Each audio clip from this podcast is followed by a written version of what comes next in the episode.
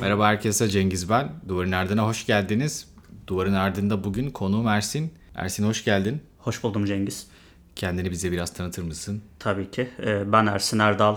Örgütsel psikoloğum. Şu anda doktor eğitimime devam etmekteyim. Örgütsel psikoloji nedir diye soranlar için iş ve çalışma yaşamının psikolojisi diyerekten kısaca bahsedebilirim. Ersin'le biz bugün sosyal takas teorileri hakkında, grup ilişkileri ve yine bireylerin kendi aralarındaki ilişkiler hakkında ve bunların dinamikleri üzerine konuşacağız. Aslında hem örgütsel psikolojinin hem biraz sosyolojinin hem de işte klasik anlamda psikiyatri, psikolojinin ve gündelik yaşamın bir araya geldiği bir podcast olması için e, çaba göstereceğiz. E, Aramızda konuşuyoruz bunları çok sık. Çok keyifli de sohbetler. Sizi de bu sohbete şimdilik davet etmiş olalım. Sosyal exchange teorisi işte sosyal takas, sosyal mübadele çok fazla hani çevirisi var aslında. Nedir? Onu böyle bir kısaca tanımlar mısın? Tabii ki ya sosyal takas teorileri kısaca aslında bu sosyal davranışın yani insanlar arasındaki davranışın e, bir takasın sonucu olduğunu ileri sürüyor. Yani ben seninle bir ilişki içerisindeysem ve senle bu ilişkiyi sürdürüyorsam burada bir takas söz konusu ve ben bu takasa göre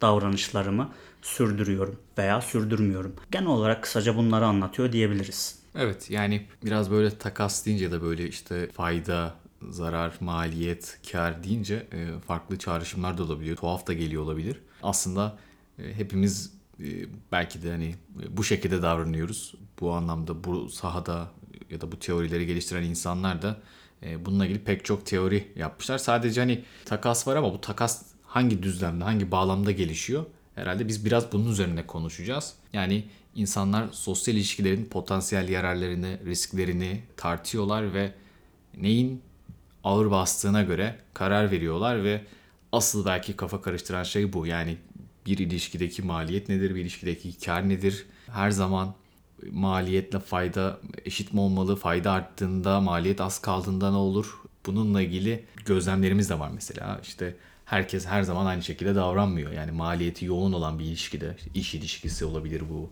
romantik bir ilişki olabilir. Ee, Mesela bunu sürdürebilen insanlar da var. Kar etmesine rağmen beklediği karı bulamadığını düşünüp e, bu ilişkilerden feragat eden insanlar da var. Bu anlamda e, çok farklı farklı davranış paternleri var. Hani bu farklılıkları nasıl yorumluyorsun sen? Tabii öncelikle ben şunu söyleyeyim. Sosyal takas kuramlarını birçok e, kuramcı çalışıyor. Bundan bu kuramları ortaya atarken e, bu araştırmacılar sosyolojiden, insan davranışından, psikolojiden, hatta fizikten ve ekonomiden yararlanıyorlar. Özellikle çok böyle bazı terimler ekonomik. Ama bu kuramların öngörüsü insan rasyonel bir şekilde davranır. Haliyle aslında ekonomik kuramlardan da e, terimlerden de çok etkilenmiş olması ilginç bir durum değil aslında. Öncelikle hani birçok farklı e, alandan aslında bu kuramı sosyal takas kuramlarını araştırmacılar desteklemeye çalışmışlar. Burada işte e, bu kuramlar batı menşeili kuramlar genellikle.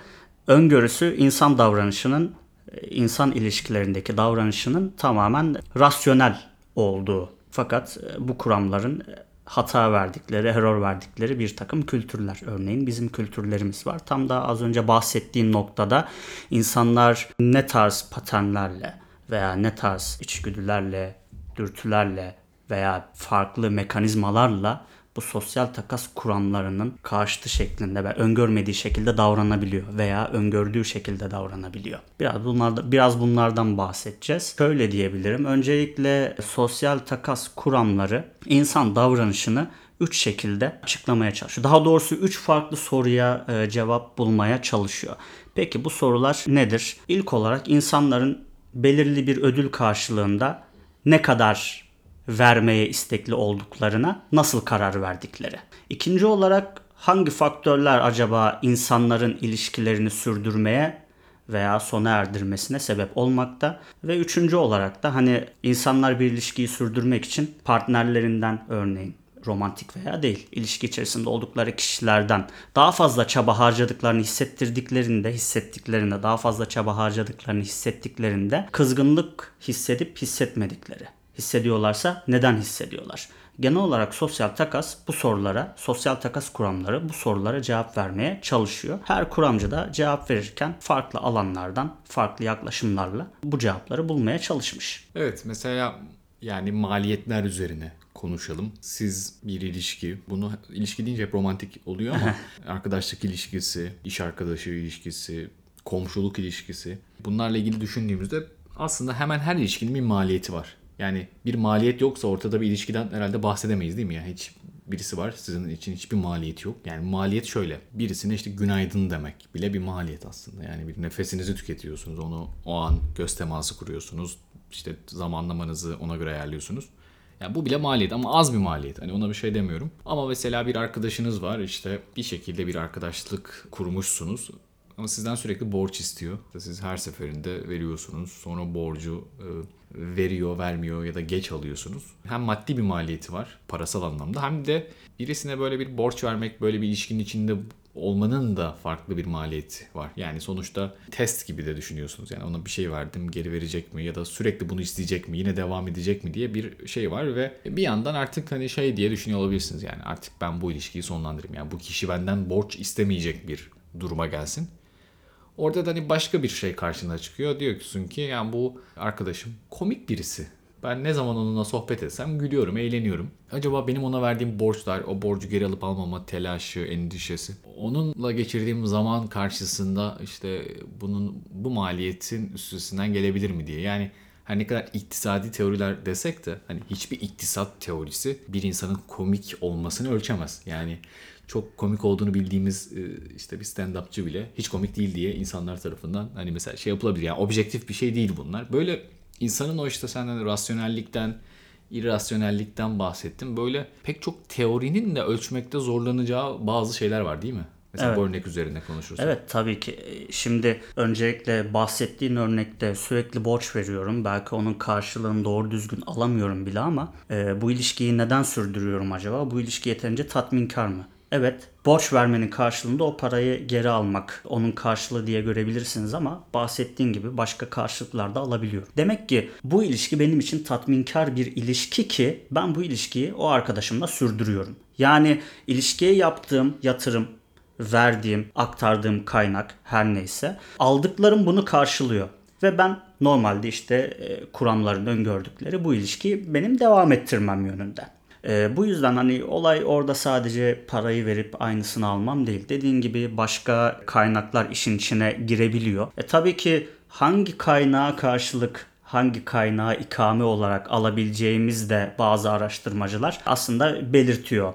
Örneğin en özel kaynak e, FOA ve FOA isimli araştırmacılara göre e, sevgi. Biz aslında sevgi ve ikamesi. Onun ikamesi ne olabilir? Sevgi tercih edilir fakat ona daha yakın bir kaynak saygı. Saygı da olabilir. Fakat bu kurama göre örneğin sevginin ikamesi para olamaz. Mesela şeydir ya ilişkiler için söylenir ya işte belki ilişkiyi başlatan şey işte sevgidir. Ama zaman ilerledikçe sevgi biraz böyle dalgalanabilir, azalabilir. İlk zamanlar kadar olmayabilir ama saygı ortaya çıkar. Yani siz artık oradan saygı çerçevesinde, sevgiden saygı çerçevesinde bir ilişkiye geçebilirsiniz ve hani bu çok da yani değişebilir tabii kültürden kültüre. Daha belki doğu kültüründe saygı sevginin tam anlamıyla bir ikamesi olarak görülebilir. Yani burada mesela çok garipsenmeyebilir sevginin yerini saygı alması. Ama mesela 19-20 yaşında bir genç çift sevgili olmuş ve diyor ki sana Ersi mesela işte biz artık ilişkimizi saygı içinde yürütüyoruz. Yani sevgi azaldı.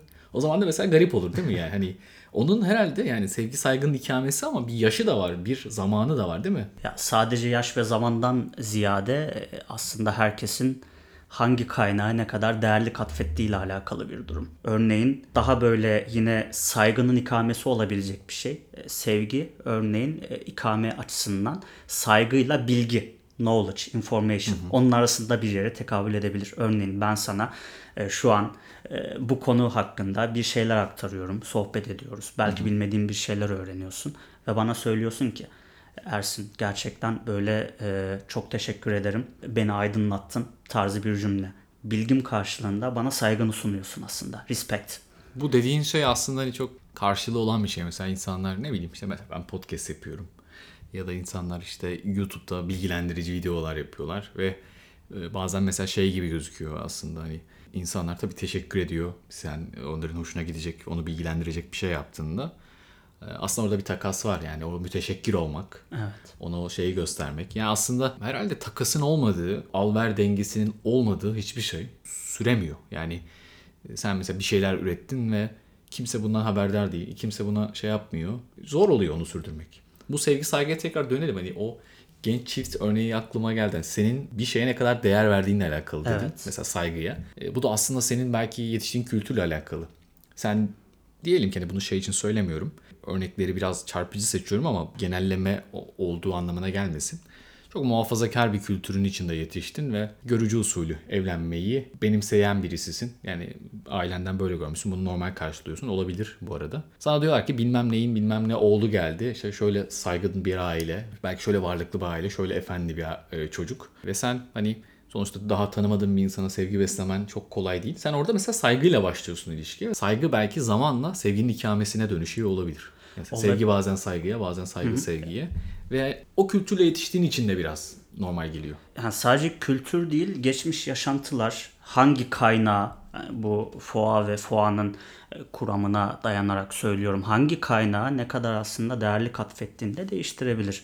Evet, saygı saygı zaten birbirinin doğal bir ikamesi. Saygı sevgi yine dediğim gibi birbirine yakın kaynaklar, ikame edilebilecek kaynaklar. Saygı ve bilgi, Bilgi, örneğin. heh. Mesela Onlar e, görece yakın. Evet, bilgi ve para birbirine yakın kaynaktır ki bilgini paraya çevirebiliyorsun örneğin ve bu tatmin edici bir şey sağlayabiliyor. Yani birbirine yakın olanların birbiriyle takas olması, değişmesi aslında bizim olağan beklediğimiz Evet daha olası. Rasyonel olan aslında bu. Mantıklı olan bu. Fakat e, dediğim gibi bunların error verdikleri yerler yok mu? Var. Örneğin sevginin parayla ikame ettiği ilişkiler. Evet. ve Bu, bu mesela çarpıcı bir şey. Yani mesela sevgi paraya, para sevgiye nasıl dönüşür? Şimdi bu son zamanların popüler konusu da işte şey de diyorlar ya işte parası olmayan erkeği sadece annesi sever. yani aslında hani parayla sevgi birbirinin doğrudan ikamesi olmayacak şeyler ama bizim sosyal yaşamda da gördüğümüz şeyler var. Aslında sevgi ya da para bir şekilde hani tırnak içinde sevgiye dönüşüyor. Nasıl bir sevgi bilmiyorum ama mesela nasıl örnekler geliyor aklına? Sugar dating örneğin. Evet. Mesela değil mi son zamanlarda eskiden bilinen bir şey değildi. Bu da belki tartışmaya açılacak bir konu. Eskiden niye bilinen bir şey değildi? aslında eskiden bilinen değil gayet bizim kültürümüzde metres Evet öyle bir şey denilen var. bir şey var aslında. Doğru söylüyorsun. Ee, Ama sugar dedilikte şey var ya hani yaş farkı da.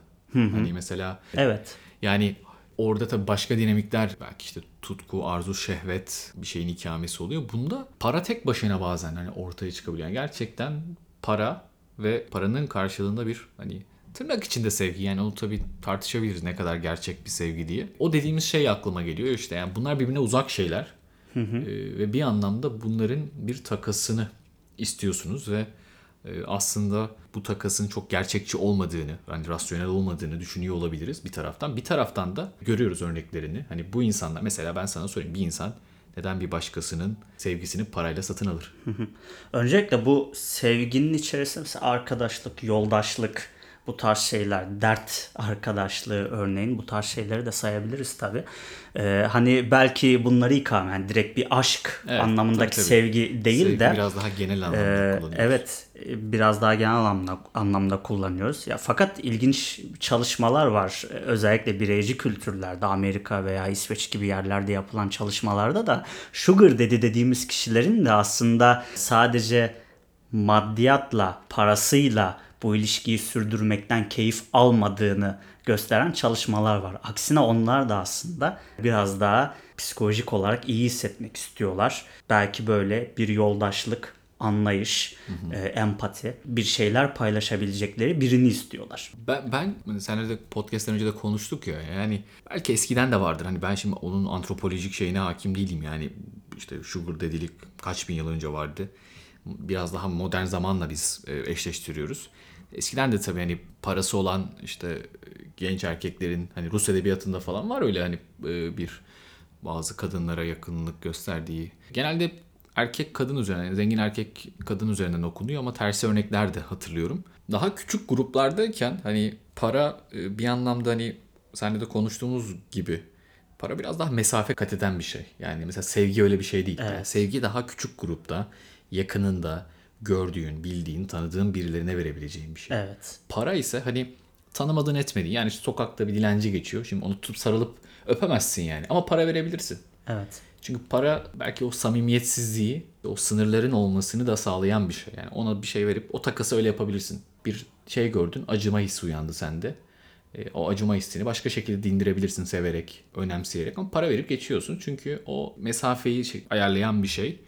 Bu sugar dedilik de sanki hani insanların, grupların büyümesiyle biraz uzaktaki bir insanın artık parayla da sana yaklaşması gibi bir şeyi bana çağrıştırıyor. Olabilir. Dediğin nokta evet para çok özel bir kaynak değil. Sevgi çok özel bir kaynak haliyle aslında kime verdiğimize dikkat ederiz. Ama para öyle değil. Hani e, bugün senin cebine giren bir para acaba daha dün veya birkaç saat önce kimin cebindeydi? Sürekli el değiştirebiliyor e, ve insanlar arasında takası daha kolay olabiliyor. Fakat sevgi öyle değil. Hani burada da işte birbirinin yerine ikame ederken bu kaynaklar bahsettiğim gibi neye ne kadar değerlik atfediyoruz aslında. Burada Levin alan teorisinde de bir takım farklı yaşam alanlarından bahsediyor. Hangi yaşam alanına veya hangi kaynağı işte ne kadar neyi ne kadar değer biçtiğin, senin için ne kadar bunun önemli olduğu öne çıkıyor. Örneğin benim için sevgi çok önemli değildir ve ben bu sevgiyi kolaylıkla e, bir parayla ikame edebilirim. Evet bu çok çarpıcı bir şey. Benim aklıma şimdi hep, hep şey örnekler geliyor ya. Hani işte ailesinden sevgi görmemiş bu insan. Şimdi aslında bana da şöyle geliyor. Bir insan ailesinden sevgi görmediyse sevgi onun için daha önemli bir şey olabilir. Yani çünkü onunla ilgili bir doyum noktası yok. Evet. Az görmüş. Ama şöyle de olabilir. Sevgi görmediği için sevginin ne anlama geldiğini bilmiyor da olabilir. Böyle bir taraf da var. Ya da mesela çok sevildi. E, Sevgi onun için yani çok kolay bir şey. Hani ulaşılabilir bir şey. Yani he- hemen herkes onu sevmiş. Para onun için daha zor ulaşılabilir bir şey. Yani hani herkes böyle şey okuyor işte çocukken sevilmemiş, çocukken çok sevilmiş. Yani o aşırılıklar e, belki hani sevginin fazlası da azı da değerleri tekrar gözden geçirmesine neden olabiliyor değil mi insanın? Kesinlikle şöyle düşün. Mesela yine sosyal takas kuramlarına bahs kuramlarından bahsederken marginal utility dediğimiz bir şey var yani marjinal fayda. Örneğin ben bir ödülü ne kadar fazla alıyorsam onun benim için değeri düşer. Örneğin ailesinden sürekli sevgi görmüş birisi. Bu kişi için sevgi belki çok önemli bir şey de olmayacaktır. Çünkü sürekli gördü hani e, ve görmeye de devam ediyor. Onun için çok bir anlam ifade edemiyor olabilir. Fakat evet hiç görmemiş birisi onun için sevgi çok önemli bir şey olabilir. Veya hiç para görmemiş birisi e, onun için para çok önemli olabilir. Örneğin çok zengin kişilere soruyorlar ya mutlu musunuz? Para mutluluk getir getirmiyor derler. Veya e, Amerika'da yine yapılan çalışmalar örneklemin yanlış seçilmesinden dolayı gerçi bu sonuçlar muhtemelen elde ediliyor ama böyle zengin beyaz Amerikalılara soruyorlar yani mutlu musunuz? Ne kadar para kazanıyorsunuz? Ne kadardan sonrası sizi mutlu ediyor, etmiyor falan. Peki hiç parası olmayan birine bunu soralım bakalım. Gerçekten belki Evet. asgari ücretin mutlu değil. evet asgari ücretteki bir dolarlık bir düşün bile intihar riskini arttırdığını biliyoruz. Yine yapılan çalışmalarda. Tabii orada yanlı bir hipotez yani hipotez tabii yani yanlı da olabilir ona bir şey demiyorum ama hani zenginlerle paranın ilişkisi üzerine şey oluyor. E, Biraz böyle yine kapitalizmin alt sınıfı ta şey yapmak için yani çok paran olsa da mutlu olmayacaksın bunu kabul et yani o kadar para her şeyi değiştirmiyor sen bu şekilde devam et dediği. Ama bu marginal utility e, bazı çalışmalarda da gösteriliyor şey anlamında parasal anlamda hani e, belli bir paranın üzerinde gelirin mutluluğa doğrudan bir etkisi yok ama belli bir paranın üzerinde. Evet. Yani bu şu demek değil yani hani parayla mutluluğun hiçbir ilişkisi yok demek değil. O yüzden bunu iyi okumak lazım. O eğrinin Plato çizdiği yeri ona dikkat etmek lazım. Tabii şeyi konuştuk işte bu hangi değerlere ne atfettiğiyle ilgili e, şeyi konuştuk. Biraz böyle popüler konulara da girdik. Mesela sugar dedik. Mesela son zamanların popüler konusu OnlyFans. Evet. Değil mi? Mesela insanlar orada tabii daha seküler bir yaşamın hakim olması olabilir. insanların özgürleşmesi, daha liberal bir toplum. Hani o da bunun etkileriyle karşımıza çıkıyor olabilir. Kimseyi yaftalamak niyetinde değilim asla katiyen. Orada mesela insanlar şöyle açıklamalar yapıyor. İşte Orada nasıl bir takas var? İşte sen bildiğimden değil ama herkes hani hemen hemen böyle bir algıyla yorum yapıyor. Sen kendinle ilgili bir şeyler sunuyorsun. Bedeninden bir takım kareler, videolar sunuyorsun ve bunun karşısında bir para alıyorsun. Ve mesela bazı insanlar hani bu bunu çok işte ahlakçı bir taraftan baktığında bu işte olmaz böyle bir şey olur mu? İnsan hani kendi bedeni çok mahrem bir şey. Yani böyle bir mahremiyeti nasıl şey yapabilirsin? Şöyle diyor insanlar ben diyor zaten bunu Instagram atıyorum ki. Yani ben bunun benzer fotoğraflarımı, bikinili fotoğraflarımı Instagram'a atıyorum. O zaman e, bir sıkıntı olmuyor da. Şimdi ben bunun karşısında para alınca mı sıkıntı oluyor? Evet hani çıplaklığa atfedilen değer burada. Ona verilen değerlik mesela ne kadar önemli. Şimdi buradan şu konuya geçelim örneğin. Sen nudes, nü- nüleşme yani birbirine çıplak fotoğraflarını gönderme. Normalde bazı yaşam tarzlarına sahip kişiler için bu çok mahrem, belki günah diyebileceğimiz, haram diyebileceğimiz şeyler. Fakat farklı bir yaşam tarzında gayet e, hiç çıplaklığa çok önem atfetmiyor demek ki veya değerlik vermiyor. Veya veriyor o kişinin çıplaklığına veriyor. Sen de e, onun çıplaklığına değer veriyorsun ve birbirinize bunu ikame ediyorsunuz, yollayıp e, alıyorsun. Mesela birbirine uzak bazı değerlerin değişimi üzerine konuştuk. İşte sevgi, para. Mesela bu biraz tuhaf karşılanıyor olarak e, düşündük, tartıştık. E, Mesela son dönemlerin belki yine popüler konularından bir tanesi sapyoseksüellik. Bilgili, entelektüel insanların arzulanması. Mesela burada da bilgi e, aslında sevgiye dönüşüyor. Hani konuşurken dedik yani mesela bilgi aslında paraya daha yakın, sevgiden daha uzak. E, Mesela ama bu insanlar tarafından daha normal karşılanıyor. Hani sapyoseksüel olmak. Ona ne diyorsun? Evet çünkü hani e, sevgiyle paranın arasındaki uzaklık bilgiyle sevgi arasındaki uzaklıktan daha fazla. E, bu kaynakların hani birbirine çok ikame değildir normalde ama dediğim gibi para ve sevgi e, takasından daha olası ve daha iyi karşılamamızın sebebi bu olabilir. Gerçekten bilginin sevgiyle takaslandığı bir ilişkide sapyoseksüellik olarak karşımıza çıkabiliyor. Ama e, tamamen sevgi mi? Belki bilgiye olan saygı. Hmm, doğru söylüyorsun. Böyle bilgiyle saygı çok yakın. belki e, bilgiden kaynak. saygıya geçiş, saygıdan belki sevgiye Evet, geçiş. belki gibi. de öyle. Aslında bir aracılık etkisi falan böyle.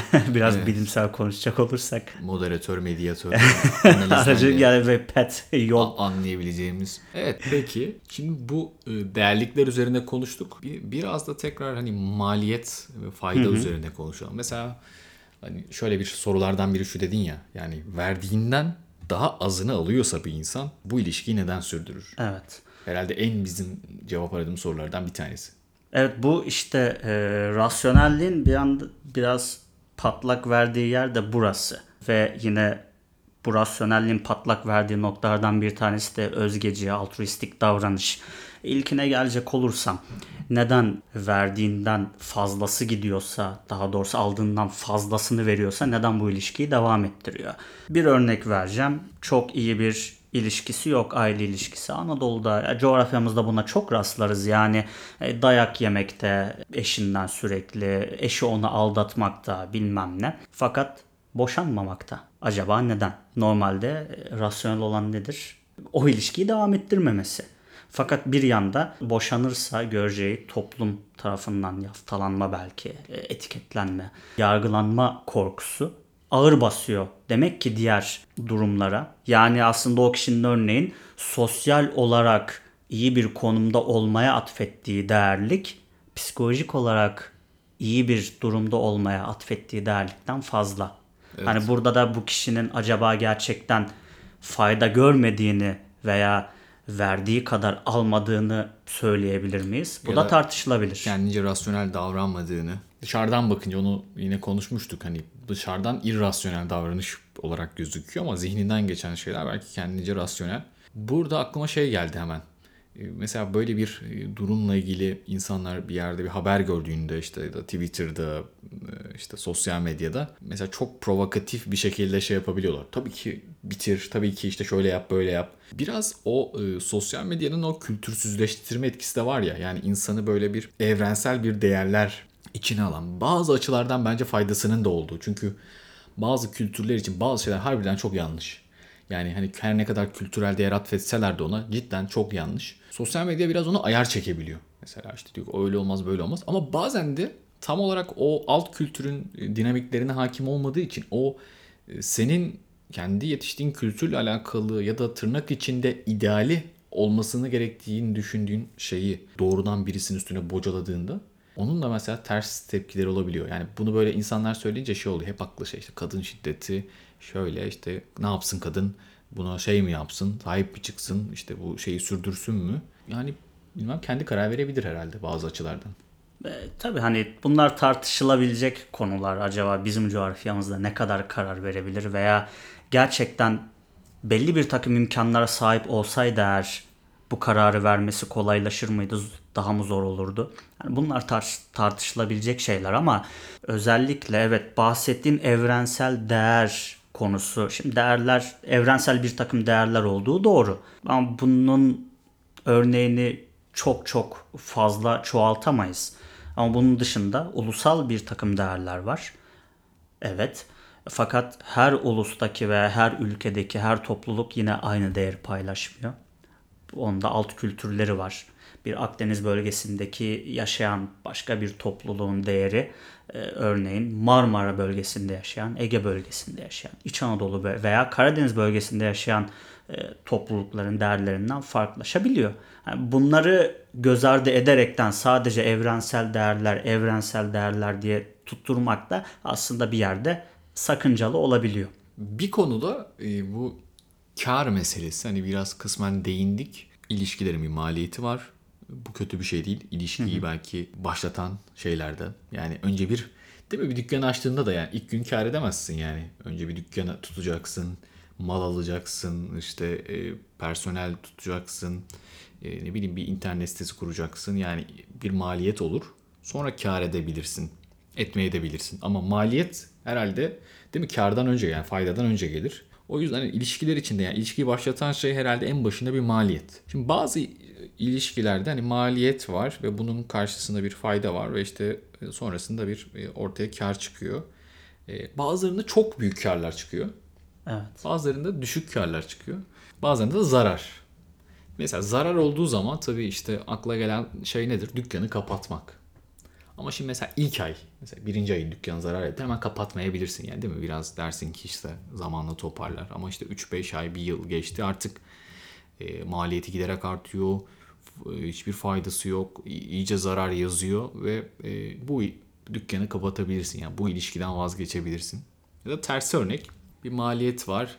Kar ediyorsun ama böyle çok az. Yani böyle e, neyse diyorsun devam edeyim devam edeyim.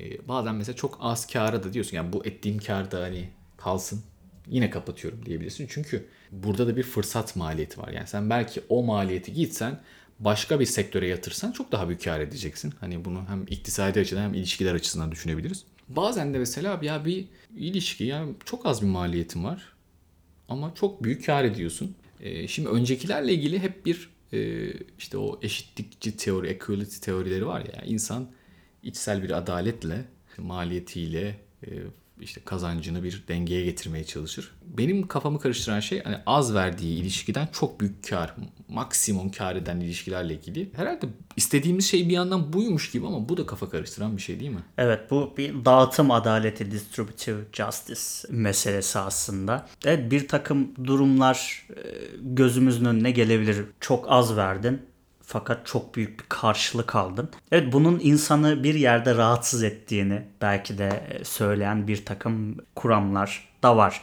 Peki bu rahatsızlığı gidermek için ne yapıyoruz? Ya daha çok vermeye çalışıyoruz, daha çok emek vermeye çalışıyoruz ya da o fazla gelen şeyden feragat ediyoruz.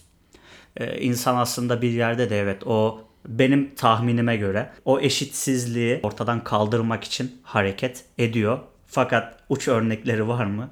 Vahşi kapitalizm tabii ki. Evet yani aslında hani ben çok daha ekstrem bir yerden girdim. Bu daha nadir olan bir durum. Genelde hani beklenen hep konuştuğumuz şey nedir işte terapilerde de şeylerde de hasta danışan işte bir ilişkiden bahseder.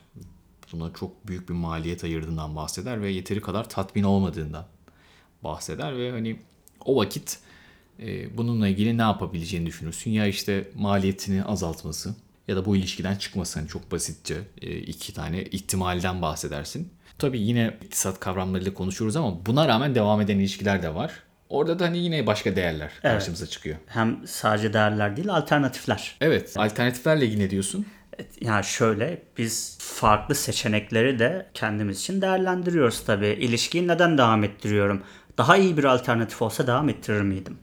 Örneğin. Evet. Daha iyi bir alternatif olmasına rağmen devam ettiriyorsam bu ilişki nasıl bir ilişki? Sabit, stable olmayan ve mutsuz bir ilişki olacak. Fakat daha iyi bir alternatif yok.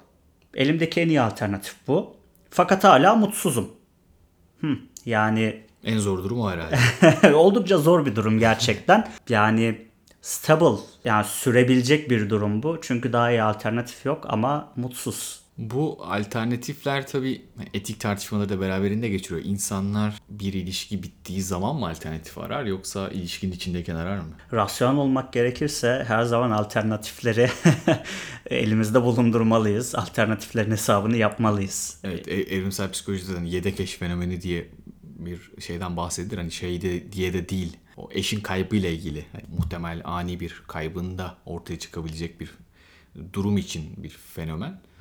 Ee, ama evet herhalde yani bu ilişkiler anlamında da gerçekten insanlar bilerek ya da bilmeyerek alternatifleri belki düşünüyor, gözden geçiriyor. Ayıp bir şey değil herhalde. Bu işte bu e, fitness değil mi? Bütün bunlar. Kesinlikle fitness. Ben de danışanlarıma tam olarak bunlardan bahsediyorum.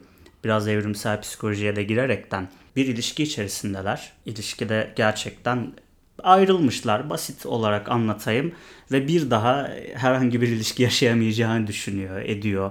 Klasik söylediğim bir cümle yani şu an veya bir gruptan dışlandığınızda normalde fiziksel acı çekiyor gibi acı hissedersiniz. Ben yine aynı şekilde danışanlarıma şunu söylüyorum. Savanlarda yaşamıyoruz şu anda. Bir gruptan dışlanmak veya bir ilişkiden dışlanmak kurda kuşa yem olmak anlamına gelmiyor. Dışarıda çok fazla alternatiflerimiz var. Bunun farkında olmak ve bu alternatifleri aslında sürekli değerlendiriyor olmak önemli. Hani çok böyle belki aşırı romantikler beğenmeyecektir bu dediğimi ama e, bunlara da dikkat etmek lazım. Bu sadece ilişkiler anlamında değil bu arada. Şunu söylemek lazım. İş aramak. Tavsiye vereyim. İşi çalışıyorken halihazırda bir işiniz varken arayın. İşi bırakıp iş aramayın. O biraz özgüvenle de alakalı bir şey değil mi? İşin varken iş aramak. Hem özgüvenle alakalı hem de senin elini güçlendirecek bir şey. Çünkü yeni bir iş başvurusuna gidiyorsun veya görüşmeye gidiyorsun. Diyorsun ki bak zaten benim elimdeki bu, benim alternatifim bu. Bana daha iyi bir şey sunun ki ben burada olayım. Bu ilişkilere uyarlanabilir bir şey mi sence? Yani bir ilişkiye hani böyle çok farklı bir yere gidebilir yani. Alternatif bir partneri işte benim yani bunun tabii baktığında direkt aldatmak gibi de. Ama mesela şeyde deniyor ya işte popüler bir geyiktir hani sosyal medyada işte 10 yıl e, sevgili oldu sonra birisiyle tanıştı 3 ayda evlendi. Değil mi? Mesela öyle şeyler paylaşımlar Evet, var. Yani evet. tabii evlilik burada e, yine evliliğe ne değer, ne kadar değer atfettiğinle de alakalı. Evet. Ama mesela büyük bir değer atfediyorsan ve o 10 yıllık ilişkinde iş bu noktaya gelmediyse alternatif ediyorsun ki bak benim elimde bu vardı. Ben hani benim bir ilişkim vardı ya bana daha yüksek bir şey. Hani bunu yine söylüyorum. İnsanlar tabii çok alıngan olabilir. Sevgililik daha düşük değerlikli, evlilik daha yüksek değerlikli olduğu için söylemiyorum ama mesela senin için önemliyse bu hani belki de o tuhaf gözüken o uzun dönemli ilişkinin bitişinin arkasından oluşan evlilik belki de bunun bir çıktısı. İşte burada bir takım böyle trikler, hileler biz de hocalarımla dersleri işlerken bu örnek sürekli geçiyordu. Yani sosyal takas e, kuramlarını işlerken ister istemez sürekli ikili ilişki. yani ilk örnek aklımıza hatta romantik ilişkilerden geliyor. Yani e, çok böyle evlenmek isteyen birisi var. Diğer taraf buna pek yanaşmıyor. E, bak ne benim de mühendisler, doktorlar istiyor Evet. e, elini çabuk tut.